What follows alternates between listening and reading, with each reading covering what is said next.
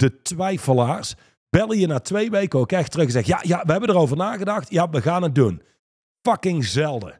Binnen ons bedrijf wacht niemand erop. En niemand heeft daar respect voor. Dus het is ja, het is nee, daar zit niks tussenin. En dat is wat straight line leiders heel goed weten te managen. Welkom bij de Straight Line Podcast. De leiderschapsdialoog met diepgang en inhoud. Iedere week opnieuw een eerlijk gesprek over radicaal effectief leiderschap in turbulente tijden. En over winnen in het leven. Welkom bij de Straight Line Podcast met Mandy en Johan van der Put.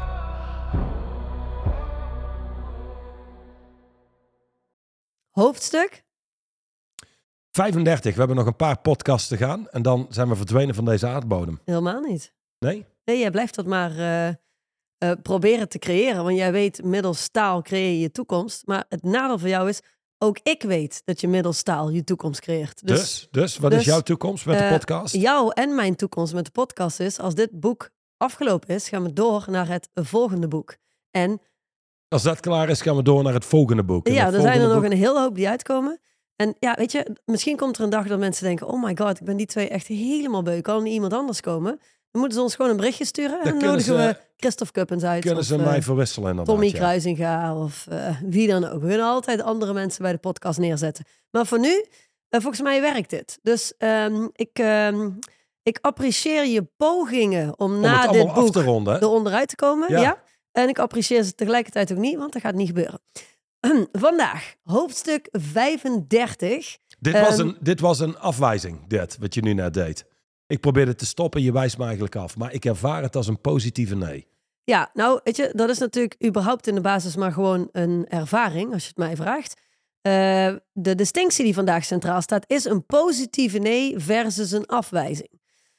Nu, degene die luisteren. Het is eh, belangrijk om je te beseffen dat er twee kanten zijn eh, in jezelf als het gaat om deze distinctie. Je hebt namelijk nee's die je, die je kunt ontvangen. Hè? Dus als ontvanger heb je of een positieve nee of een afwijzing. Nou ja, slachtoffers, zoals jij daarnet, ervaarden het als een afwijzing waar het gewoon een positieve nee was. Ehm, Nu ik het zo zie, valt het ook wel mee. Ja, en ben ik eigenlijk hè? alweer klaar voor het volgende boek eh, om op te nemen. Oh, dat is heel mooi. En je hebt zoiets als het zenden van een positieve nee versus een eh, afwijzing. Dus eh, dat is belangrijk. Je kunt jezelf in de plaats van de ontvanger of in de plaats van de zender plaatsen. Zou we kunnen stellen dat de meeste mensen vandaag de dag zo zwak zijn... dat als het gaat om het ontvangen van nee's... dat mensen daar niet bijzonder goed in zijn. En als het gaat om een geven van een nee... dat ze daar niet bijzonder goed in zijn. Dat is absoluut waar. Dat eh, zou je kunnen stellen, ja. Ja. Dat is ook de reden waarom. En, en, en dat is vandaag de dag. Maar ja, dit boek is natuurlijk geschreven voor. eh, ehm, ja, 2011. Ja, voor 2011 inderdaad, want toen is de eerste druk gekomen. Eh, en toen was dat ook al het geval, want anders had dit hoofdstuk er niet in gestaan. Dus Ja. mensen hebben moeite met nee zeggen. Mensen hebben eh, ook moeite met nee's incasseren. Nu, ehm, ik heb hier een zin opgeschreven, want het, de- het eerste deel van het boek start met iets waarvan je denkt, ja, daar heeft hier eigenlijk helemaal niks mee te maken. Ehm, waarom geven mensen nou eigenlijk geen nee? Zou mijn eh, vraag zijn, die ik had geschreven bij deze inleiding in het boek. Ehm, want da- daar start het mee. Zonder doel kom je gemakkelijk in een visueuze cirkel, zegt Duchan. Mensen zonder doel hebben voortdurend last van anderen die hen vragen iets te doen dat niets met hun beoogde resultaat te maken heeft. Hierdoor ontstaat de illusie dat ze niet genoeg tijd hebben. Time management is, zoals jullie allemaal weten, lieve luisteraars, hier niet het probleem, want dat bestaat niet. Er bestaat alleen zoiets als doelenmanagement. Dus het ontbreken van een doel is het probleem. Dit noemen we ook wel intention deficit disorder. Ja, inderdaad. Je hebt geen plan. Er is, nou, er is geen plan, er is geen richting, er is geen doel. Dus als jij weet waar je naartoe gaat in het leven, dan kun je vrij makkelijk inschatten bij iedere keus waar je mee geconfronteerd wordt. Helpt dit ja of nee? Precies. Je wordt gebeld door vrienden voor een weekend weg. Je wordt gebeld door die om mee te helpen overhuizen. Whatever dat je gevraagd wordt. Je kunt heel makkelijk afstemmen op basis van je purpose, je doel. Helpt dit ja of nee? En op basis daarvan geef je je ja, je ja of je nee. Heb je dus geen purpose, heb je geen doel, ja, dan zet de deur open om alles maar aan te grijpen. En dan zeggen mensen over het algemeen op te veel dingen ja. En op te weinig dingen nee. Ja. Laat daar bovenop stellen dat de meeste mensen, als we teruggaan naar het vorige hoofdstuk, of een paar hoofdstukken geleden, lief en aardig versus vriendelijk. Laten we heel eerlijk zijn, de meeste mensen hebben zich gebouwd als lief en aardig. En nee zeggen betekent dat een ander negatief kan denken over ons, dus zeggen we liever ja. Ja, precies. De laatste zin van deze introductie is ook: je bent alleen maar bezig met de mening van anderen. Ja, Als je zelf niet een helder doel hebt, je weet niet waar jij naartoe aan het bewegen bent, dan wordt de mening van anderen veel belangrijker. En alles wat gedurende de dag langskomt, wordt ook ineens heel belangrijk. Want ja, je weet niet wat er echt belangrijk is, dus wordt alles belangrijk. dan betekent dus dat je, als je het zo leest, je bent alleen maar bezig met de mening van anderen, dat je je leven leidt niet volgens je eigen termen, niet volgens je eigen regels, maar volgens de regels van een ander, waarvan je denkt, maar eigenlijk is het, je schat in wat zij denken over jou, op basis daarvan neem je je beslissing. Ja, dat is natuurlijk een heel zwak leven. Ja, precies. Je, je leeft je leven niet eens, wat ik jou hoor zeggen, niet eens echt gebaseerd op de regels van een ander, maar meer op de regels die jij denkt dat een ander heeft. De Ja. verwachtingen die jij denkt dat een ander van je heeft. Nu, ik vind het wel mooi om eventjes naar te kijken, want ehm, er zijn natuurlijk ook mensen die kijken naar mensen zoals jij en ik en die denken, oh my god, is het dan nooit genoeg? Moet hij altijd zo pushen? Moet je altijd gedisciplineerd zijn? Moet je altijd... Moet je, eh, eh, nee, nee, nee, dat moet sowieso niet. Maar wat jij nu zegt is wel de kern, als je, als je het mij persoonlijk vraagt, waarom ik het zo belangrijk vind om altijd doelen te stellen. Die doelen, laten we wezen, een spel kan alleen maar bestaan omdat er een, omdat er een doel is. Er is een bepaald resultaat. Er is, er is een manier waarop je dat spel kan winnen. En Ja. dat spel kun je alleen maar winnen als je het doel behaalt. Bij voetbal is het letterlijk een doelpunt scoren. En je hebt een doel waar je in kunt schieten. Dus, even Wa- wachten. ja. Even wachten.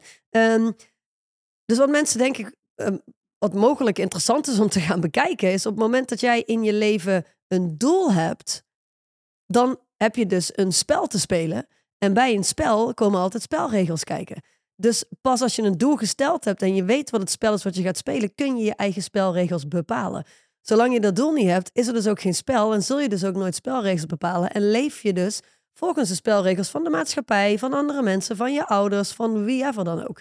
Eh, dus ik vind het wel mooi wat je daar zegt. Ja, Ja. En, en wat, als je kijkt naar een spel, wat het doet is, het creëert onderscheid in belangrijkheid. Ja, precies. Dus wat is het belangrijkst? Een doelpunt scoren of aardig gevonden worden? In een daadwerkelijke voetbalwedstrijd, een doelpunt, niet zozeer aardig gevonden worden. Ja. Ehm, je zou kunnen zeggen, in de hiërarchie van belangrijkheid is het maken van een doelpunt en winnen Het het, meest belangrijk. Ja. Stel in de huidige maatschappij waarin we zeggen, weet je wat, winnen is niet meer zo belangrijk. Wat belangrijker is, is gewoon meedoen. Dat betekent dat heel die hiërarchie wordt verstoten. En dus wat wel en niet belangrijk is, verliezen we uit het oog. Ja, en dan zie je terug op het speelveld. En dan zie je dat er doelloos gespeeld wordt. Ja, dan kijk maar eens naar een team wat een vriendschappelijke wedstrijd speelt. Ja. Versus een team wat speelt om te winnen. Er zijn vaak twee verschillende werelden. Ja, dus, dus daarom is het zo belangrijk in het kader van deze distinctie, de positieve nee versus een afwijzing. Ehm, voordat we daar naartoe gaan, is het zo belangrijk om in de basis allereerst een duidelijk doel te hebben in je leven. Zodat je enerzijds volgens je eigen spelregels kunt leven. En anderzijds dus ook heel duidelijk ziet, hier zeg ik ja op en hier zeg ik nee op. Want Ja. deze dingen leiden me af van dat waar, waar ik naartoe ga. Nu zou ik heel kort een sprongetje willen maken naar een eh, uitspraak die wij in coaching vaker doen. Onze lidmaatschappen veel gebruiken. En dat is holding frame. En waarom vind ik dat interessant om jou daar kort over te horen? Omdat de meeste mensen die luisteren naar deze podcast, misschien wel allemaal, die hebben echt allemaal wel doelen gesteld in hun leven. De vraag is alleen, hoe lang zijn ze in staat om die doelen voor ogen te houden, om daarop gefocust te Net blijven? het punt wat ik wilde maken. Omdat ik denk En inderdaad, de meeste mensen man en vrouw? hebben een doel. Ja, ja, ja. En precies vandaag ook nog, 11 jaar getrouwd. Dat klopt, ja, precies vandaag. Ja. Ehm, maar in de orde van belangrijkheid gaan we terug naar de podcast. Absoluut. Ehm, ja, het is waar dat de meesten er ongetwijfeld een doel zullen hebben. De vraag is of ze zich bewust zijn dagdagelijks van hun doel. Exact. En bij het maken van hun keuzes en bij het geven van een ja of een nee. Ja, houden ze hun doel voor ogen? Ja, en, en daarin is het antwoord nee. Als, als je gewoon puur gaat kijken naar ondernemers in het algemeen. Laat zeggen, de meesten hebben een doel. En de meesten die een doel hebben, houden geen frame. In andere woorden, houden niet hun frame gericht op het doel. En, en ondernemen actie en nemen beslissingen in lijn met het doel. Exact. Zie het als een intentie die je hebt, waar je naartoe uitreikt. Zolang je die intentie steeds voor je hebt, is beslissingen nemen makkelijk. Ja. Nee zeggen makkelijk en waar je ja op moet zeggen ook. Veel ondernemers verliezen dat uit het oog. De hectiek van de dag neemt het over. Het doel wordt wat troebel en waar we ja en nee op moeten zeggen ook. Dus één ding wat iemand kan doen die nu meeluistert is je doelen opnieuw helder maken. Zodat je allereerst ook helder hebt waar moet ik ja en nee op zeggen. Ja, en wat, wat jij ook altijd zegt is, ehm, je moet je doel vele malen belangrijker maken dan dat wat je nu hebt. En ik denk dat dat ook een belangrijk is. Want we leven natuurlijk wel in een maatschappij in een tijd waarin alles maar gewoon gematigd moet. Ja. Eh, dus ja, je moet ook gewoon tevreden zijn met wat je nu hebt. Het moet niet altijd meer, meer, meer. Het mensen, grootste- mensen snappen het ja. idee erachter niet. Het Nee. gaat niet om meer hebben. Dat is gewoon, mensen snappen niet dat dat, dat niet de kern is. Ja, oké, laat, laten we die distinctie maken. Dus de, de distinctie hier is uiteindelijk. ehm, als je kijkt naar veel mensen die zo'n podcast zouden beluisteren, of die eh, ons leven of die van onze cliënten zou kennen, Mhm. die zouden inderdaad komen op het feit van ja, maar waarom moet het altijd meer? Dat is helemaal niet het spel. Mhm. Het spel gaat niet om meer. Ehm, we hebben de Verduins eh, in ons lidmaatschap, de, de koningen der wortelen. Als je die zou vragen, Hoe weet je nou of een wortel leeft, ja of nee? Weet je? En dan zouden ze zeggen, zolang een wortel groeit, leeft hij. Als hij stopt met groeien, begint hij te sterven. Als mens zijnde, als je stopt te focussen op groei en expansie, ga maar kijken naar mensen die met pensioen gaan, die zijn vaak niet meer bezig met groei en expansie, die beginnen langzaam te sterven. Zeg maar, een pensioenplan wordt ook wel gezien als een doodsplan, zeg maar, a dead plan. Nu gaan we langzaam plannen om te sterven.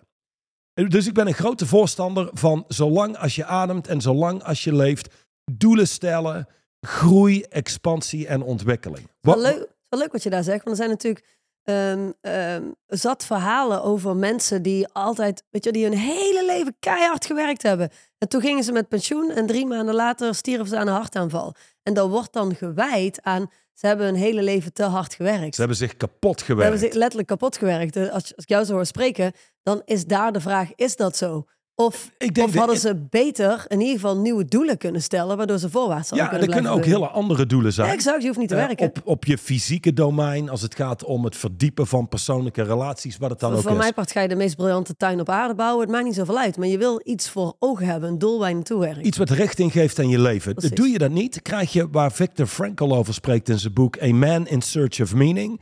Dat een aantal van die mensen in Auschwitz, en dit was wat hij ontdekte, Mhm. die hadden in hun hoofd zitten, 25 mei worden we bevrijd. Dat bedachten ze zelf. Dat gaf nog betekenis, eh, dat gaf richting aan hun leven. Dan was het 25 mei en ze werden niet bevrijd.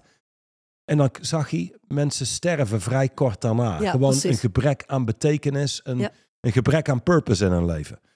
Ehm, dat, is, dat is een van de dingen. Maar laat, ik- laat ik zo zeggen, wat, wat is het dan wat zo belangrijk is? Als jij gaat kijken naar cliënten van ons, het gaat niet om meer. Laten we heel eerlijk zijn, de meesten hebben al meer dan Dat dat ze ooit op zullen maken. Ja. ooit zullen gebruiken, meer dan hun kleinkinderen waarschijnlijk ooit nodig hebben. Waar het om draait in het leven is het volgende. De toekomst die er nog niet is, en, en die toekomst die er niet is, kan zijn 10 kilo lichter zijn, een bedrijf wat groeit met 30%, 70%.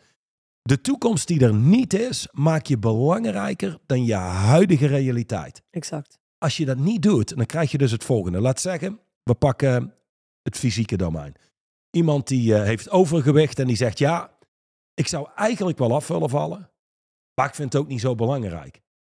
Dan zit je in niemandsland. Mm. En dus de kunst is de toekomst die er niet is belangrijker te maken dan de huidige realiteit. En in de kern niet zozeer omdat je je huidige realiteit haat Exact. of dat de toekomst beter is. Nee.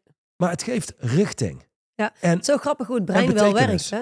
Het, het brein van mensen die in de basis niet bereid zijn om gewoon een commitment te maken en doelen te stellen en voorwaarts te bewegen. Dat brein, dat hoort ook op het moment dat je zegt, luister, die, die, die 30 kilo afvallen, die moet je belangrijker maken dan je huidige realiteit. Dan horen ze, oké, mijn huidige realiteit is fout.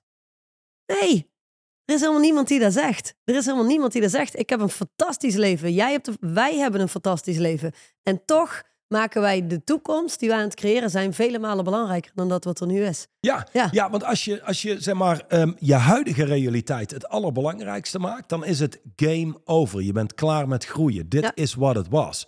En, En dan was- wordt het ook waarschijnlijk lastig om Ja. die huidige realiteit in stand te houden. Eh, Sowieso, want je wereld wordt kleiner. Ja, maar als ik, kijk, als ik kijk naar het, het werken met Dusjan, een van de dingen die me opviel, en dit was ook waar hij me op wees na, ik denk, drie kwart jaar werken.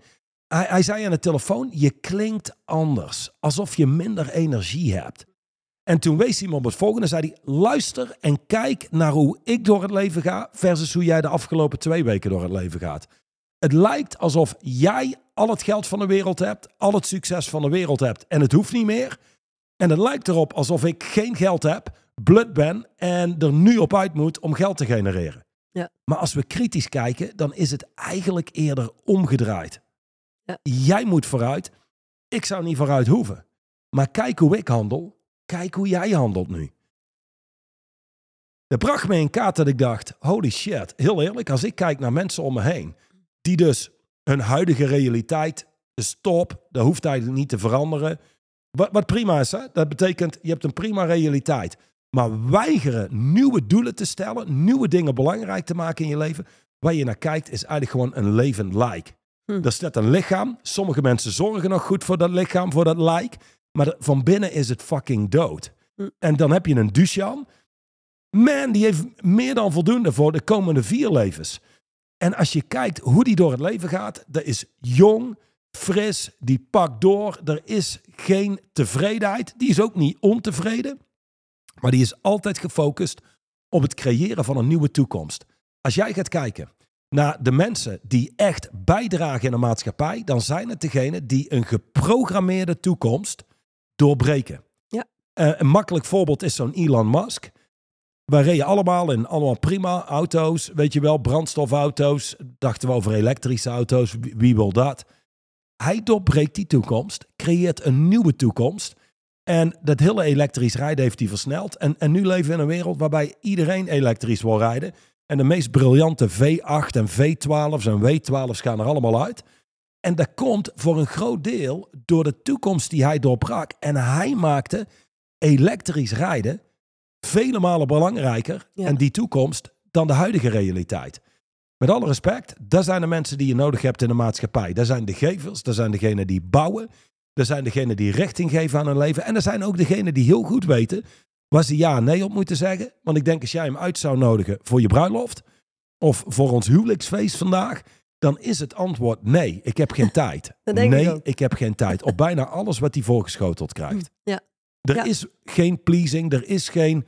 Hij ja, moet nu wel dan met het creëren van die fantastische nieuwe toekomst, moet hij wel gaan zorgen dat al die elektrische auto's ook geladen kunnen worden. En dat al die batterijen niet ergens in India op een schroothoop eindigen. er is dus iemand de anders volgende. nodig Ja, die exact. zegt, hey, die laadpalen en die toekomst die er nog niet is, exact. moet ik belangrijker maken dan de huidige realiteit. Precies, precies. Ja. Ja, maar, maar ik begrijp volledig wat je zegt.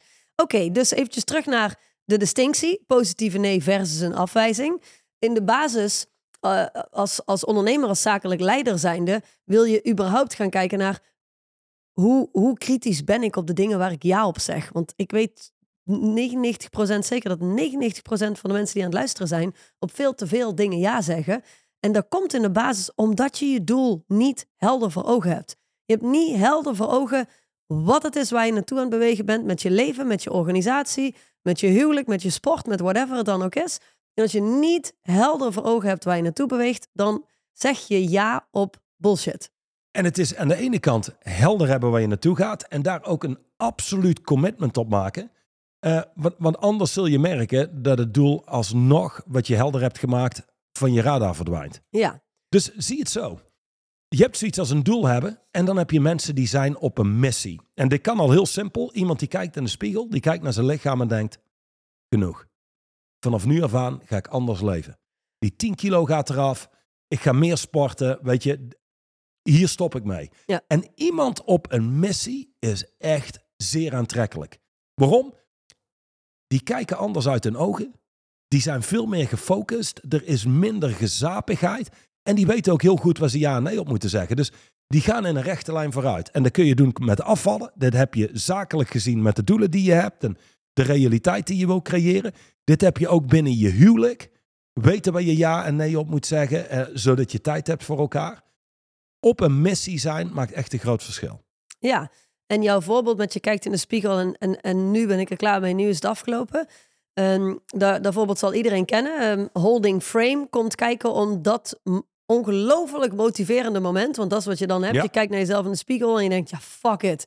En dan ontstaat er een, een interne motivatie, een drive. En dan moet je je frame kunnen houden op dat doel om gestaag vooruit te blijven bewegen. Ja, en- Gewoon en- daar uiteindelijk ook uit te komen. Zeker. Ja, Dus Om motivatie. door te gaan wanneer motivatie verdwenen is. Ja, ja, exact. En, en, en hoe je dat doet, het, het behouden van frame, is jezelf disciplineren in je woord eer aandoen. Dat is goeie. Daar wil je jezelf in disciplineren. Als je dat doet, dan is het je start krachtig. Dan zet je door in het midden en je eindigt krachtig. Dus je blijft net zo lang gefocust en doorzetten Totdat tot je doel bereikt is. Dan komt het volgende. Dan heb je altijd van die mensen die, ja, nu heb ik mijn doel bereikt. Nu is het echt tijd om feest te vieren en mezelf te belonen en da da da. De beloning zit hem in wie je wordt en wat je leert Exact. in het afleggen van die weg. Ja. In de kern is het enige wat je te doen staat, het volgende nieuwe doel. Daar hou je alleen niet vol als je het doel op zichzelf verklaart als heilig en denkt, dat maakt mijn leven beter. Mhm. Nee, het is überhaupt het stellen van de doelen waar je leven beter maakt. Niet arriveren bij punt B. Nee, Dan, dan wel, zit je eh, verstrikt in een mindspel. Ja, wel tof dat je dat zegt. Ik heb van de week een, een gesprek gehad met iemand die, en dit hebben volgens mij ook best wel veel mensen in onze eh, huidige maatschappij, die zegt, ja, weet je, ik ben echt zo'n go-getter al mijn hele leven. Ik stel doelen, ik ga ervoor, alles moet wijken. Dat, dat, dat, is, dat is wat ik te doen heb, dat is waar ik voor ga, dat is waar ik voor sta. Maar heel eerlijk, ja, gewoon nu zoveel jaar later kom ik gewoon tot de conclusie, maar ik geniet nergens van. Ik vier nooit het succes. Ik geniet er niet van. En na een, een, ehm, een goed gesprek en een aantal keer doorvragen, kwam hij ook tot de realisatie dat dat eigenlijk niet eens zijn eigen bevindingen zijn. Maar dat het de omgeving is die hem langzaam maar zeker heeft uitgenodigd tot doe toch af en toe eens een keer rustig aan. Je geniet nooit. Je viert überhaupt je successen nooit. Hè? En, en vanuit daar een hele eh, ehm, eh, overtuiging krijgt over zichzelf, in de knoop komt en een niet werkbaar patroon gaat creëren waarin hij minder doelen gaat stellen, minder eh, positieve nee's uit gaat delen en vervolgens helemaal stuurloos wordt, zeg Ja. in zijn leven. Dus de, de als je iemand bent gaat je altijd uitnodigen, uitnodigen om, om, te zwakker te worden. Ja, precies. Ehm, dus dat is nog een belangrijke side note. Oké, op de tweede pagina van dit hoofdstuk eh, staat: met een positieve nee creëer je tijd. Ja. Je doel maakt duidelijk waar je nee op moet zeggen. Dus als iemand je vraagt iets te doen wat niet bijdraagt aan je doel, kun je daar heel eenvoudig nee op antwoorden. Dat doe je op een sterke, beleefde, vriendelijke en positieve manier, zonder verontschuldiging. Ja, ik heb dit al een paar keer benoemd met de podcast. Maar eh Christophe die Duchan belde. Met, hey, ik heb gevraagd aan Svetlana om met te trouwen en da da da. Die wacht niet eens. Die zegt, oké, hey, gefeliciteerd Christophe. Um, don't invite me to your wedding. I don't have time to come. En die managt het al op voorhand. En je hoeft me niet uit te nodigen, want ik ga niet kunnen komen. Ja. En, en Christophe waardeert dat, omdat, mij maakt het niet uit of jij wel of niet op mijn bruiloft is. Die man is zo waardevol in mijn leven. Ehm fine. En hij is heel goed in zeer beleefd en to the point iemand afwijzen. Ja. Zie het als een positieve nee geven. Nu, echte ondernemers, zie het als echte killers, die weten één ding. In het leven heb je iets aan een ja. Ja, ik doe dat. Exact. Net zo belangrijk is een nee, dat doe ik niet. Waar je niks mee kunt, is die mensen die blijven in het midden. Ja, heel goed. Die Ik- doen ik- ik- alsof het een ik ja ga is. erover nadenken. Ik kom er bij je op terug. Verschrikkelijk. Ja. Ik heb daar echt een hekel aan. Weet je, in de kern weten mensen op, op iedere situatie waar ze mee, mee geconfronteerd worden. In de kern is het hell yes. Yep, dit gaan we doen. Dit is een goed idee. Of het is hell no. Dat gaan we niet doen. Maar dat hele ding met hell maybe. Dat bestaat niet. Dus je kunt geen tijd besteden aan mensen die je geen ja of nee kunnen geven. Mm. Het is ja of nee. Ik ben blij met mensen die ja zeggen. Ik ben net zo blij met mensen die nee zeggen, want dat sluit één kant af. Precies. En ik kan door naar het volgende. Precies. Als jij kijkt naar sales, wat maakt sales moeilijk en waarom zijn maar weinig mensen echt goed in sales jarenlang? Omdat ze een nee, een positieve afwijzing, niks laten betekenen. Exact. Sterker nog, blij zijn dat ze weten, dit is afgerond, dit is helder. Door naar het volgende. Nu kan ik door naar het volgende. Het zijn de amateurs die, die blijven hangen aan. Ja, hij zei misschien over twee weken moet ik hem terugbellen. Luister, in alle eerlijkheid, hoeveel van dat soort lui, de twijfelaars, bellen je na twee weken ook echt terug en zeggen: Ja, ja, we hebben erover nagedacht. Ja, we gaan het doen. Fucking zelden. Mm. Binnen ons bedrijf wacht niemand erop. En niemand heeft daar respect voor. Dus het is ja, het is nee, daar zit niks tussenin. En dat is wat straight line leiders heel goed weten te managen. Ja, en dat is wat eh, mensen die jarenlang heel goed zijn in sales inderdaad eh, snappen. Die zijn eigenlijk net zo blij met een positieve nee als dat ze zijn met een ja. Want oké, check en door, door naar het volgende. Ja. Ze kunnen weer iets afchecken. En de amateurs blijven, blijven wekenlang, sto- soms zelfs maandenlang achter dezelfde niet werkbare mensen aanlopen. Vanuit de Ja. hoop dat ze ja zeggen om de volgende nee te kunnen vermijden. exact. Want die gaan ze uit de weg. ja, precies. Waarom? Omdat mensen nee iets laten betekenen. Dus Ja. als stel, ik doe jou een voorstel. Mandy, voor 750.000 euro coach ik jou de komende drie maanden. En dan zeg jij, oh nee, dankjewel, daar heb ik geen interesse in. We zien dat als een persoonlijke afwijzing in plaats van dat je mijn voorstel afwijst. Ja. Dat is een van die zaken waar je een distinctie in moet maken als jij in, eh, als je leeft en ademt en gewoon verzoeken doet aan mensen. meespeelt. Zeg maar echt een spel speelt. Ja. Dat is absoluut waar. Ehm, er staat hier, en ik denk dat dat een samenvatting is van alles wat je net hebt gezegd. Beschouw een nee dus niet als een persoonlijke afwijzing, maar gebruik deze als positieve informatie. Want het is gewoon informatie waar je iets mee kunt. Ja. Eerlijkheid bespaart je veel tijd. Nu, dat is natuurlijk, denk ik, misschien wel de kern van deze, deze hele podcastserie. Dat mensen eerlijker worden met zichzelf en eerlijker worden met anderen. Maar mensen die niet eerlijk zijn met je en die om de hete brei heen draaien, die je geen ja of geen nee geven, die verdoen je tijd. En je tijd is het meest kostbare wat je hebt in je leven. Waarom? Om, want tijd is, Is als niet mensen, terug te halen. Nee, omdat mensen, als mensen spreken over hun leven, Mhm. eh, je leven is letterlijk tijd. Mhm. Dus je kunt zien hoeveel, hoeveel mensen zichzelf respecteren en hoe ze tijd respecteren. Dus iedere ja die je geeft op iets waar je eigenlijk nee op moet zeggen, maakt je leven kleiner. Ja. Is eigenlijk zonde van je leven. Absoluut. Is een goede manier om dat te bekijken. Dan tot slot denk ik dat we uitkomen op de twee verschillende soorten pijn waar je in het leven mee te maken krijgt. Ja, inderdaad. Die heb ik inderdaad eh, hier, eh, hier als afsluiting letterlijk staan. Er zijn twee soorten pijn. De pijn van discipline en de pijn van spijt. Op de lange termijn is de pijn van discipline maar heel licht voelbaar. En is de pijn van spijt ongelooflijk zwaar. De pijn van discipline is zo verdwenen, terwijl de pijn van spijt voor altijd blijft. Nu nee zeggen is misschien wat oncomfortabel. Nu een kernactie ondernemen, waarbij je misschien een positieve nee krijgt, is misschien wat oncomfortabel. Je zult jezelf dus in andere woorden moeten disciplineren nu te doen wat je voor je hebt, wat werkt. En nogmaals, dat kost discipline. Ja. Aan de andere kant heb je twee soorten pijn. De pijn van discipline, nu steeds krachtige keuzes maken, te doen wat je te doen staat. En anders lig je straks op je sterfbed.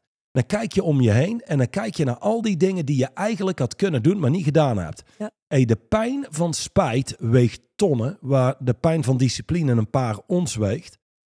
En als je die distinctie kunt maken voor jezelf, dan oprecht. Dan, dan was deze podcast beluisteren, ik denk het meest nuttige van je tijd. Met je hierna anders kiest, Exact. afwijst wat niet, niet werkt voor je, een positieve nee geeft en een ja antwoord op het leven, op de dingen die werken. Dat, dat was een hele hoop. Ja, dat is absoluut waar. Ehm, een, een positieve. Ik, ik denk dat het belangrijk is om te beseffen dat mensen nu bewust worden van het feit dat er zoiets bestaat als een positieve nee. Ehm, ga in je eigen leven kijken. Maak, zorg dat je je doelen helder voor ogen hebt, waardoor je meer positieve nee's geeft. Ja, zegt, ja zeggen op iets is nee zeggen op heel veel andere dingen. Zodat je meer positieve nee's eh, geeft. Maar daarnaast ga ook kritisch kijken naar de niet positieve nee's die je krijgt van anderen. Want je krijgt heel vaak bullshit ja's waar je eigenlijk niet op kunt rekenen. Je krijgt ook heel vaak inderdaad maybes, misschiens, waar je niks mee kunt. Dus zorg dat je leven eh, bol staat van positieve nee's die je ontvangt, zodat je dingen af kan ronden, los kan laten en positieve nee's die je geeft, zodat je je tijd bespaart. Nou zeg je wel één ding waar wel een, een, ehm, een aanvulling op hoort. Je moet en wil mensen de ruimte geven om een nee te geven. Mhm. En vaak is die er niet, want we manipuleren de shit uit mensen, zodat we een ja krijgen. En dat kan zijn door een eh, Mr. Nice Guy act. Oh Mandy, ik heb echt een probleem. Ik hoop echt dat je me kunt helpen. Ehm, weet je nog wat ik allemaal voor jou heb gedaan? Nu kun je me één keer terughelpen. Onzin. Ja, dat doen mensen ook. Zoiets heb ik nog nooit gehad. Maar Dat, Ja, dat dat doen doen mensen mensen. non-stop. Non-stop. Die hebben helemaal geen ruimte om een nee te incasseren. nee, en dat precies. voelt een andere kant. En Ja. die zijn vaak te zwak om nee te zeggen. Dus blijven ze ergens in het midden. Dus ik zou zeggen, geef mensen ook de ruimte voor een nee.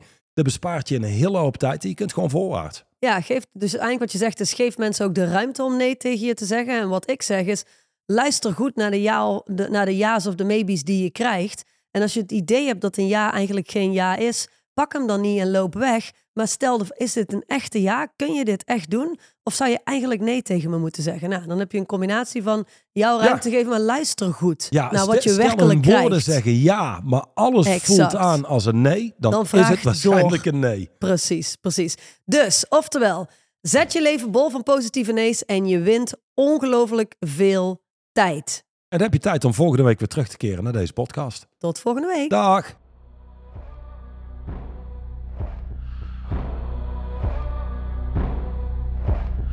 De overige podcast beluisteren of deze nog eens terugluisteren? Ga naar het YouTube of Spotify account van Straightline Leadership.